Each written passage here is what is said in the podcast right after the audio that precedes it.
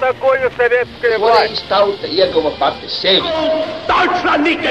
Liktenīgas nejaušības un slēptas likumsakarības, subjektīvas patiesības un objektīvi aizspriedumi. Pēc atkušņa nekad nenāk uzreiz pavasars, bet sākās Arī šodien cilvēki ir ļoti tuvredzīgi. Viņi redz to naudu, kas ir. Televīzijā jau pamatā notiek cīņa par varu. Pagātne no šodienas skatu punkta un šodienas caur pagātnes prizmu. Raidījumā šīs dienas acīm.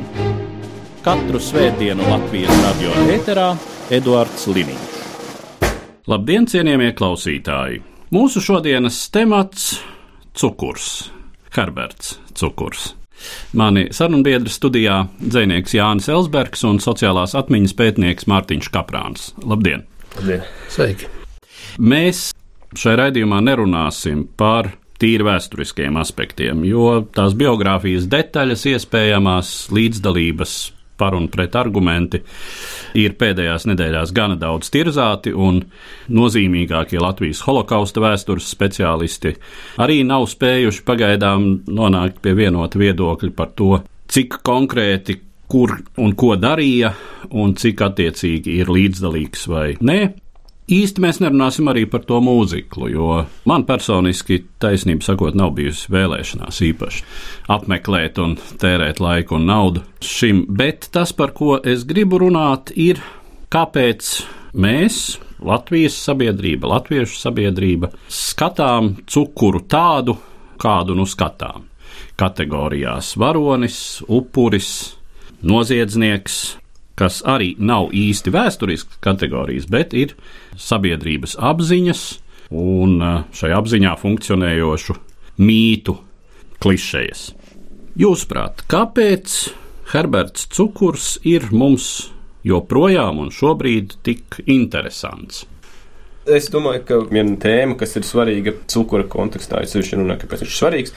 Tas ir saistīts ar mūsu joprojām nespēju domāt par latviešiem kā kolaborantiem. Nu, mēs zinām, ka pēdējā desmitgadē ir bijuši diezgan lieli centieni, arī tā skaitā no starptautiskā spiediena rezultātā, veidot šo praksi, saprast, ka Nec komunistiskā, bet īpaši naciskās okupācijas laikā latvieši nebija tikai novērotāji vai upuri.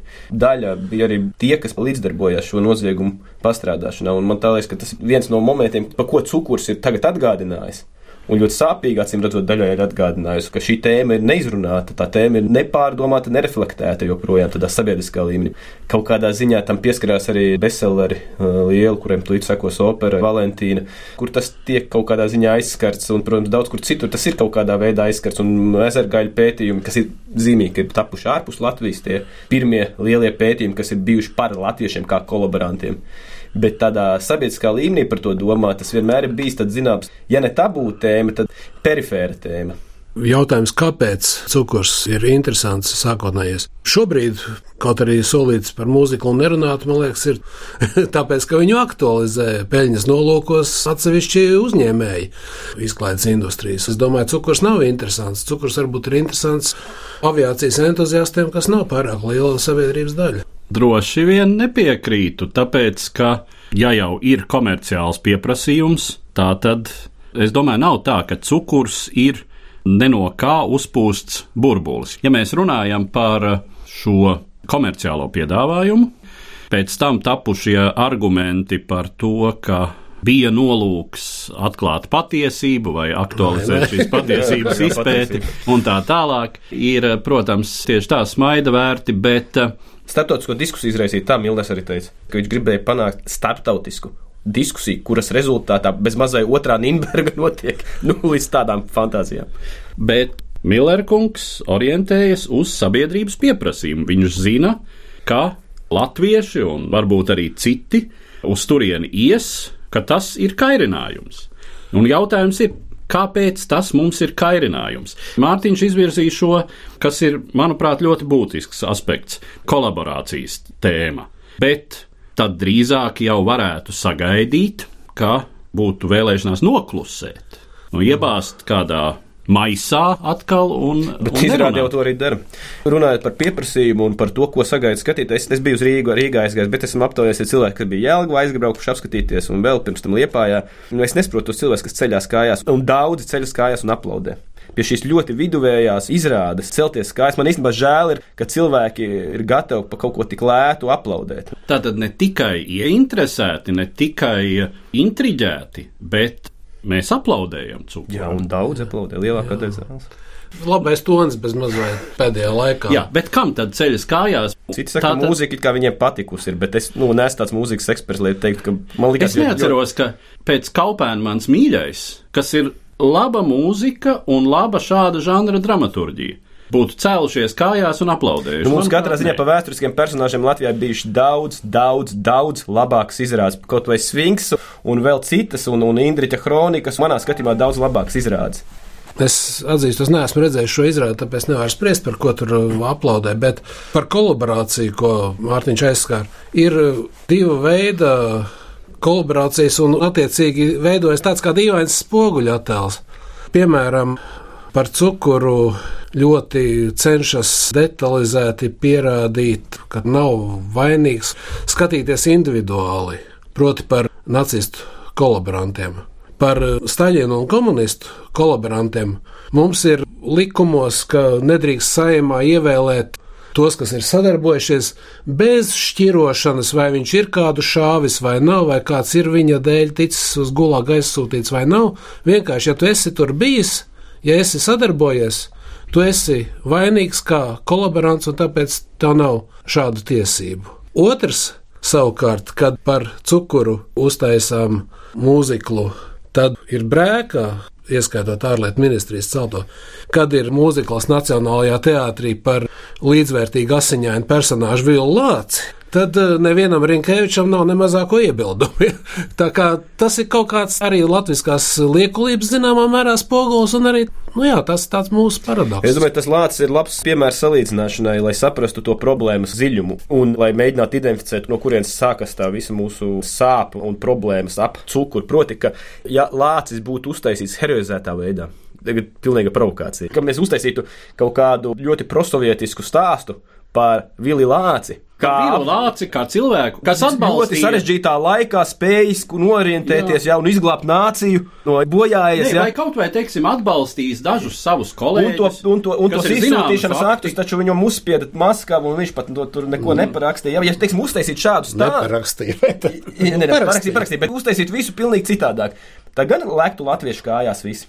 Bet tā, ka lācis bija uztaisīts precīzi, mērķiecīgi, kā traģiskais ļaunais varonis, tad it kā visiem tas tā, jā, nu viss kārtībā. Bet tagad, kad mēs ar cukuru sākam strādāt vairāk kā ar varoni, es neredzu atšķirību starp lāci, nu, kurš, protams, bija neģēlis tajā ziņā, ka parakstīja izsūtīšanas pavēles, un tai pašā brīdī cukuru, kurš atradās Arāja komandā. Arājas, nu, tas ir vienkārši, nu, es domāju, nu, tur pat diskusijas par to, ar ko nodarbojās šī komanda. Laikam, tomēr vēsturnieku vidū kaut kāds konsensus pastāv. Nu, Tiešām mēs visiem. runājam par 20 tūkstošiem vismaz vai vairāk noslapkot ebreju tiešā šīs komandas darbības rezultātā. Neskaitot uh, Baltkrieviju. Es domāju, pats fakts, ja tu atrodies šajā, esi darbojies, jau kaut ko nozīmē, ka laikam vajadzētu padomāt par varoni, laikam nevajadzētu vairs tādā domāt. Nu, jā, nu jā, sevišķi tāpēc, ka virsnieks tomēr ne jau ierindnieks. Par cukura līdziniekiem citās tautās man jau ienāca prātā, ka cukurs ir ļoti tuvs līdzinieks. Viņu varētu mierīgi nosaukt par latviešu eihmani.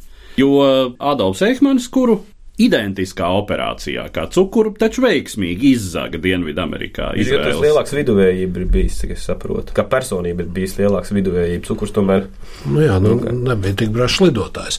Jā, jā, nu, nu, jā, viņam trūka šī spārnu pletuma, kas cukuram tā kā gēringam mazliet. Bet kurš nodarbojās tātad Eihmanis ar loģistiku, izplānojot ešalonu kustības maršrutus, iekāpšanu, izkāpšanu un tā tālāk, lai nogādātu ebrejus līdz gāzes kamerām. Un eh, es pieļauju, ka pats Eihmanis, jā, viņš slapstījās, protams.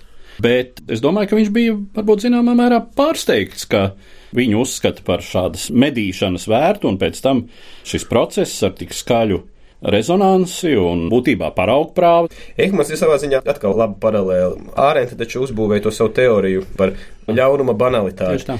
Un tā pamatīdeja bija, cik patiesībā šis cilvēks pats ir viduvējs un veids, kā viņš mēģina stāstīt un pamatot un attaisnot savu rīcību, ka viņš ir sekojis tikai instrukcijām.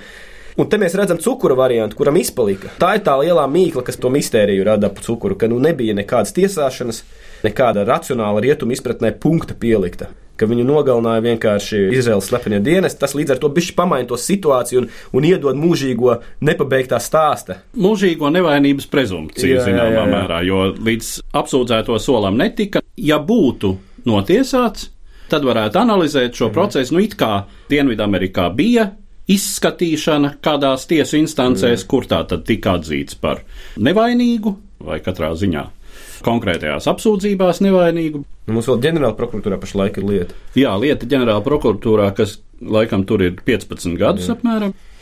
Un atkal atgriežoties pie tā, vai tomēr eh, tas, ko mēs par cukuru domājam, vai tā nav zināmā mērā vēlēšanās attaisnot visas latviešu tautas pozīciju, vai mēs nejūtamies savā ziņā visi kā tie, kuri tīrīja šautenes, pienesa patronus, paši nešāva, bet mašīnām riepas mainīja, ja tas bija vajadzīgs. Nu jā, jo Latvijas ir cilvēks ar traumām, ja viņi kaut kā jādefinē. Un katram ir, es domāju, kaut vai tā būtu paša vai vecāko ģimenes locekļu kādreizējā piedarība, teiksim, komunistu partijai vai jau kas, vai briesmīgākas lietas.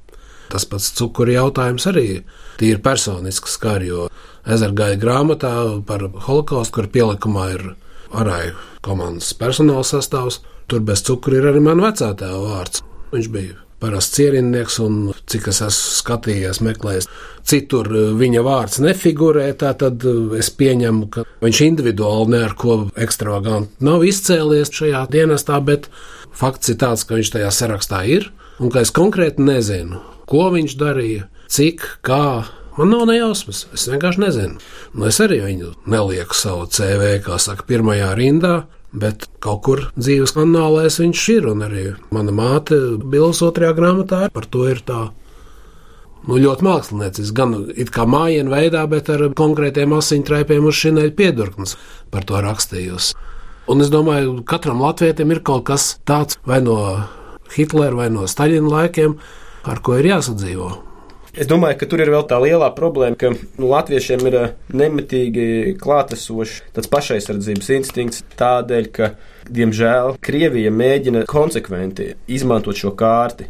Nevis lai tu sāktu par to domāt, bet izmantot tajā ziņā, ka jebkurš opozicionārs viedoklis, vēsturiski opozicionārs viedoklis pretējs Krievijas oficiālajai versijai, tiek pasniegts kā vai nu tas ir saistīts ar fašismu atzimšanu, kolaborantiem, tad stigmatizējoša uzreiz tonalitāte parādās. Un manā skatījumā tas kolektīvā līmenī ieslēdz uzreiz pašaizsardzību Latvijā.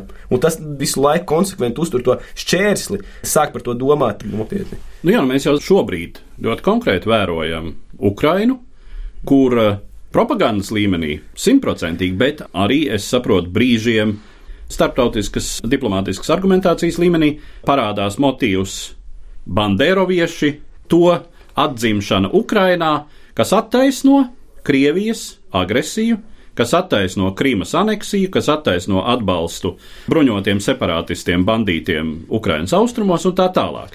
Principā schēma, kas visnotaļ, ja to iedarbinātu Latvijā, tad droši vien argumentācija būtu. Te ir runa, man liekas, par mūsdienu Krievijas fenomenu. Tur tas 9. mājas un lielā uzvara ir gandrīz vai vienīgais, uz ko vēl šī valsts kopā turās. Nezinu, varbūt tā būtu ķecerība no manas puses, bet man liekas, ka Latvijas sabiedrības pretzāles pret to varētu būt gan izglītības, gan ideoloģijas līmeņos pateikt, ok, bija arāja komanda, jā, Mēs izdarījām to un to. Nevis mēs, Latvija, bet tajā laikā okupētajā Latvijā daļa Latvijas sabiedrības izdarīja to un to. Nevis tēlot jampampiņus un vērsties pie 70 gadu seniem kriminoloģiskiem aspektiem, kur dabiski šodien kaut ko pierādīt vai atrast, nu, ir bezcerīgs variants. Bet tieši šajā kolaborācijas un faktu aspektā, jā, bija tāda lieta, un uh, mums ir žēl, bet nu, mēs to darījām. Jo citādi iznāk, ka arāja komanda bija, līķa tūkstoši bija, bet neviens konkrēti nav vainīgs. Vai arī tad tiešām, kas ir vainīgi, jau ir notiesāti. Man liekas, mēs tiešām tuvojamies vienam ļoti fundamentālam aspektam, un tā ir izpratne mūsu sabiedrībā arī dzan par mūsu valstiskumu un tiem arī dzen vēsturiskās atbildības aspektiem, kas no tā izriet un savukārt no otras puses neizriet. Ka mēs īsti neprotam joprojām atdalīt šo izpratni mēs Latvija no izpratnes mēs latvieši. Jautājums par to, kā tad mēs uztveram noziedzniekus, slepkavus, ir ļoti tieši saistīts ar to, kā mēs uztveram upurus. Un te ir tā problēma, ka mēs joprojām, manuprāt, lielā sabiedrības daļā neiekļaujam holokausta upurus jēdzienā Latvijas tauta, būtiski, idejiski izpratnes līmenī. Tie bija žīdi, ziniet. Savest vēl no nezinu kurienes. Un eh, līdz ar to mēs runājam par to, vai mēs esam vainīgi pie tā, ka mēs kādus te esam slepkavojuši. Tad jau, protams, tiešām ir vilinājums ķerties pie, kā Jānis teica, diezgan muļķīgas ņemšanās ap kaut kādiem plus-mínus pierādījumiem, un uh, cukura persona kļūst ļoti interesanta kā iespēja pierādīt, ka apziņas, kā Jānis interneta diskusijā ļoti precīzi formulēja, simbolu līmenī. Viņš simbolizē mūsu nelīdzdalību. Bet būtisks ir jautājums, kas tad bija tie, kurus nošāva? Kas tad bija tie, kuri tur rumbulā sagūla? Vai šķēdē. vai šķēdē, vai daudz kur citur, mazākos masu kapos. Tie taču bija Latvijas pilsoņi. Jā, viena liela daļa. Un te arī parādās mūsu, kaut arī latviešu tolerants vispār ir diezgan ievērojama un gods un slavu mums, bet uh, ir zinām ironija, ka mums ļoti imponē un ļoti patīk Marks Rotko un Jesē Berlīns, un mēs esam gatavi risināt un monetizēt milzīgas projekts. Un Eizensteins, protams, un divi Eizensteini. Tas viss mums ir gods, prieks un lepnums un viss pārējais, bet tie cilvēki, kurus tu pieminēji, kurš mums patiesībā laikam lielākajā daļā ir pilnīgi pie vienas vietas, kas viņi tādi bija, nu, žīda, nošāva. Es par to tagad pēdējā laikā diezgan daudz runāju dažādos kontekstos, bet tā lielā problēma ir, ka mēs jau joprojām neesam spējīgi, nezinu, kāpēc, veidot tādu transnacionālu Latvijas vēstures stāstu. Mums viņš joprojām ir izteikti nacionāls, bet, nu, es domāju, mums jau nevajag mērķiecīgi iet un nezinu, kāpēc latviešu kā pamatnāciju vai pamattautu šeit ņemt ārā ja, no tā stāsta, bet tas, ka tas ir ļoti hermētisks, ļoti noslēgts un kaut kādā ziņā diferencējošs, ka nu, te ir tā pamattauta, ja, un tad kaut kādas perifērās grupiņas dzīvoja. Ļoti visiem patika Freimanas memoāri, bet es domāju, ka tur ir ļoti svarīgas lietas arī pateikt par Ulmē laika problēmām ar nacionālo politiku. Viņi saka, Rīgā jau bija skaisti, dzīvoja dažādas etniskās grupas - baltvācieši, ebreji, latvieši. Un Freimana ļoti svarīga lieta, es domāju, viņi vienā rīkopā to pasaka, bet cik šīs grupas viena pret otru bija noslēgtas un īsti nekomunicēja savā starpā. Un tas jau ir pamatu, pamats, no kurienes sāk veidoties jebkuri aizspriedumi, jebkuras savstarpējas varbūt attālināšanās, jo pēc tam tās robežas netiek pārvarētas tām grupām. Joprojām netiek. Jā, un šī izolēšanās tā ir mūsu sabiedrības īpašība. Ir atkal jau ārējie faktori, jo nu gal galā visu padomi laiku jau taču šī izolēšanās zināmā mērā bija tāds nācijas saglabāšanās instruments. Es pats atceros, cik liels satraukums, piemēram, 80. gadu otrajā pusē, tobrīd jau šur un tur presē uzmanīgi artikulēts bija par lielo jaukto laulību skaitu. Kurš joprojām ir augstākais Baltijas valstīs? Kas šobrīd mūs īsti vairs es domāju, neuztrauc. Katrā ziņā es ļoti sen esmu dzirdējis, ka kāds satrauktos par to. Tas mums ir milzīgi atšķirība no Igaunijas. Es Igaunijā kaut kādu laiku pavadīju, un Igauņu spēja segregēt krievlodīgos. Savā ziņā mums vienmēr skauž, jo redz, kā viņi ir saglabājuši savu valodu. Tā segregācija manā skatījumā kaut kāda bumba ar laika degli, kas mums par laimi nav. Jo tas, ka tur dzīvo viņi tādos mazos geto, ja es atvainojos par paralēlēm, ja, bet. Nu, Igaunijas ziemeļā. Visi bronzas karēji bija skaisti ziediņi tam patiesībā atgādinājums, ka tur nav viss kārtībā ar integrācijas politiku. Bet atgriežoties atpakaļ, nu tomēr nu, jau vairāk nekā astoņos gados, kurus es esmu nostrādājis Latvijas radio, dažas klausītāju vēstules, kuras nepārprotami attaisno holokaustu, es esmu saņēmis. Viņi nav daudz, viņas ir uz roku pirkstiem saskaitāmas.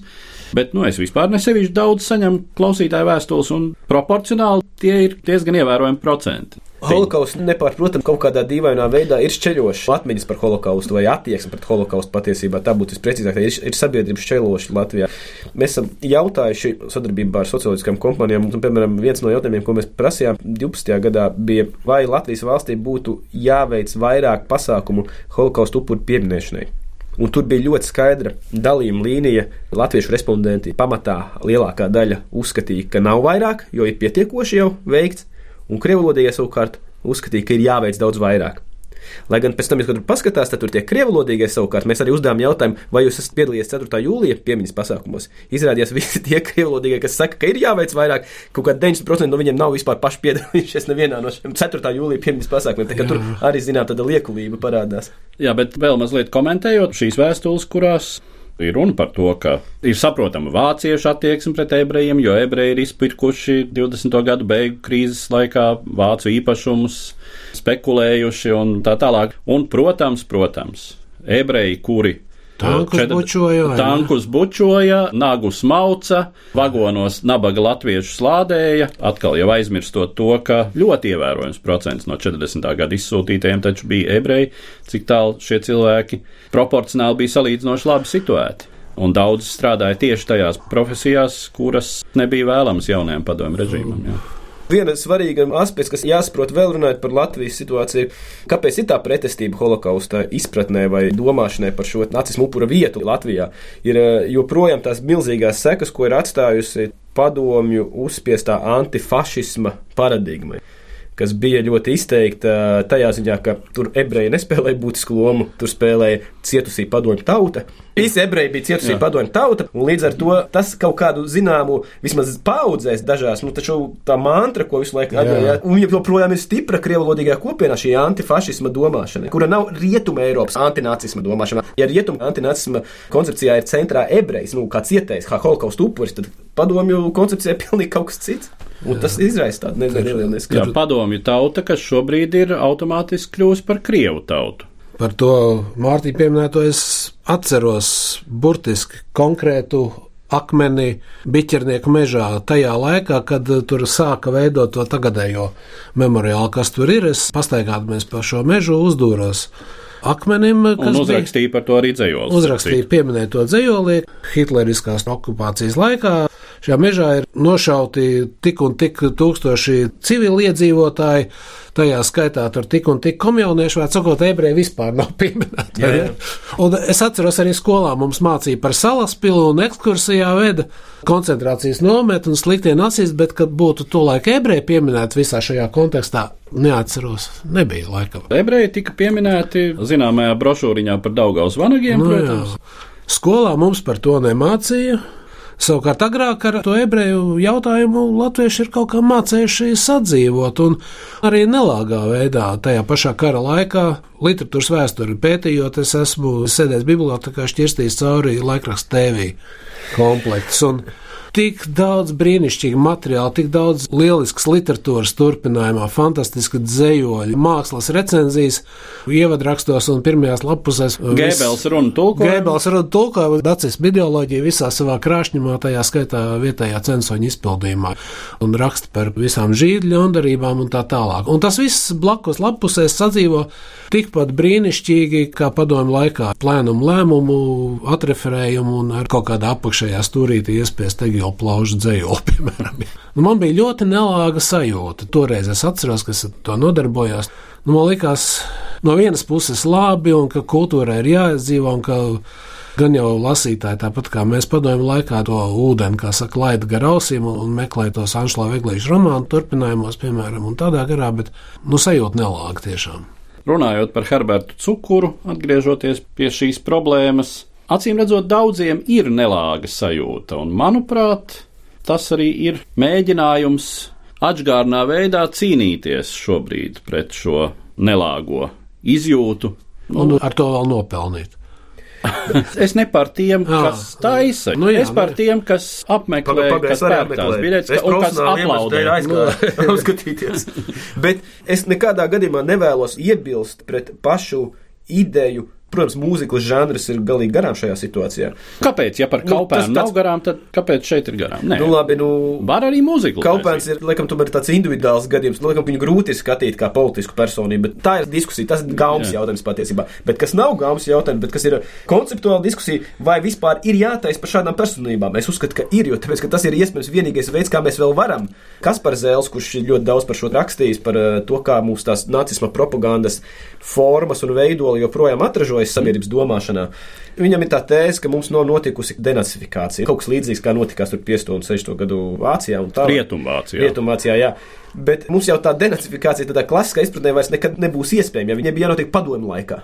Bet viņi nenotika. Holokausta upuri izrādījās padomju tauta, nevis, nevis holokausta un upuri. savukārt otrā pusē tiesāja Jā. ne par holokaustu. Tie bija bet dzimtenes nodevēji. Dzimtenes, respektīvi padomju Bet, savienības. bet tas, ko es gribēju teikt, ka, ja mums ir kaut kādas stratēģijas, kā to saucamo, vismaz tādā simboliskā līmenī, to denacifikāciju veicināt domāšanā, nu, tad šīs mākslas valoda ir viens veids. Un man ir žēl, ka tāda izgāšanās ir bijusi, ka par šādu sarežģītu tēmu, kur tiešām varēja, tad, protams, visdrīzāk neceltos viss kājās. Es nezinu, varbūt celtos, bet kas novērtēt tieši šo dziļumu, bet ka neizdevās. Ka šo personību neizmantoja kā tādu, kas uz showcase, tādu paraugu gadījumu, un neizmantoja to, lai mēģinātu uzrunāt plašāku problēmu kopumu, par ko mēs tagad runājam. Nu jā, un jautājums ir, kāpēc tad neizdevās? Jo es joprojām uzstāju, ka tika uzražots tas, ko publika grib patērēt.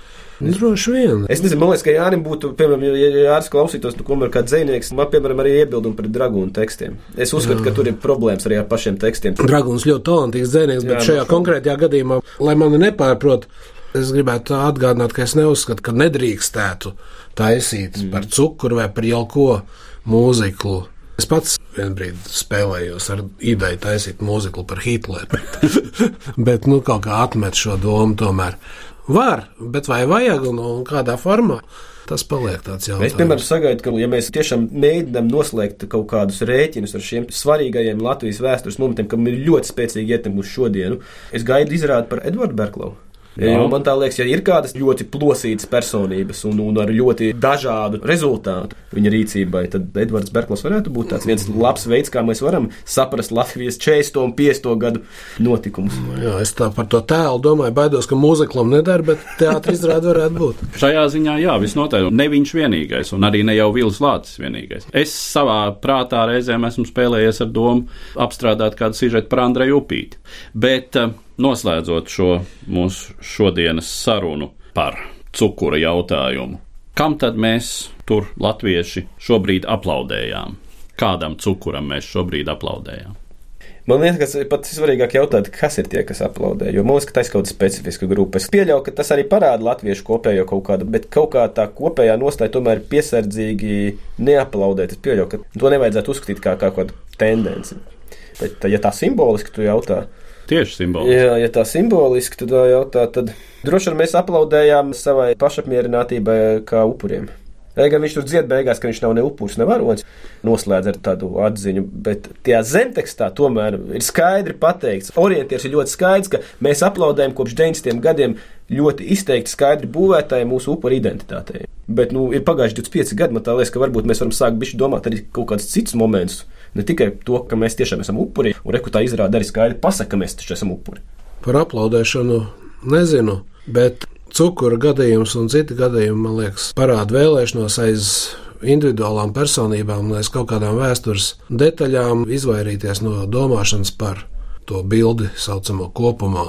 Pirms pētām konkrētās detaļas, kas un kā vajadzētu mācīt bērniem apjēgt, kas ir holokausts, kāda ir kopumā bijusi latviešu iesaistē, kas ir staļinisms, kāda ir bijusi latviešu iesaistē gan kā upuriem, gan kā īstenotājiem. Šīs lielās tēmas bez vēsturisku individu izcelšanas, bez detaļu finesēm. Un tad jau, kad ir skaidrība, tiešām kaut kāda morāla un vispārīga skaidrība par to, kas tad īsti ir lielās līnijās šeit noticis, tad par tām sīkākajām līnijām jau var pētīt tālāk un diskutēt.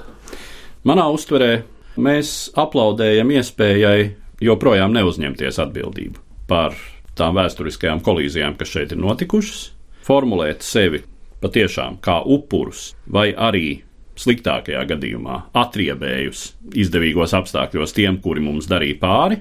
Tātad žīdi mūsu 40. gadā, mēs viņus par to pēc tam piedodiet, bet tas ir te vai citāts no dažām vēstulēm, kuras es šeit esmu saņēmis.